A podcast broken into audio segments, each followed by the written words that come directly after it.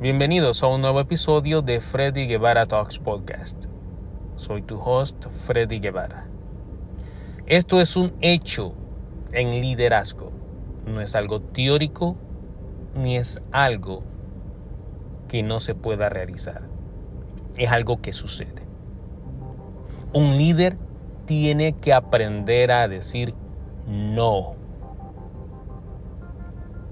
Sucede que como líderes creemos erróneamente que tenemos que estar disponible y decir siempre sí a todas las demandas que vienen a nuestro escritorio. Demandas de clientes, demandas de empleados, demandas de nuestros jefes, demandas de nuestros colegas, demandas de los accionistas de la organización, de todos.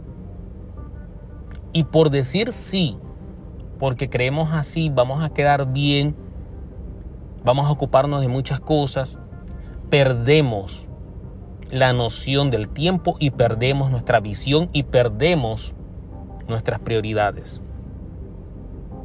Como líder tienes que tener claro tus prioridades, tus valores y saber qué tipo de decisiones y acciones te van a llevar a lograr tus metas, tus objetivos y alcanzar la misión y la visión de la organización. Eres el líder. Tienes que priorizar cuáles son las acciones que van a beneficiar a la organización como un todo y no a servir intereses particulares.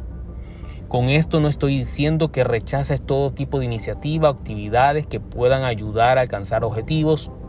No es eso.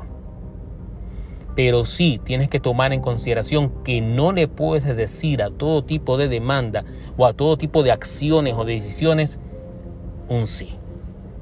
Prioriza. Ten claro tus valores, ten claro tus objetivos, porque nos podemos perder en actividades que no generan ningún tipo de valor ni para ti ni para la organización.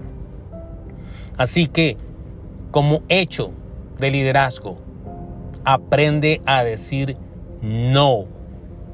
No a las cosas negativas, no a las acciones que no te generen valor a ti, ni a tu equipo de trabajo, ni a la organización, no a demandas que están fuera del alcance de la organización, no a promesas que no puedas cumplir, no a proyectos que no generen ningún tipo de retorno positivo o valor a tus objetivos o a la organización. No a la gente negativa, no a demandas que están fuera de tu alcance.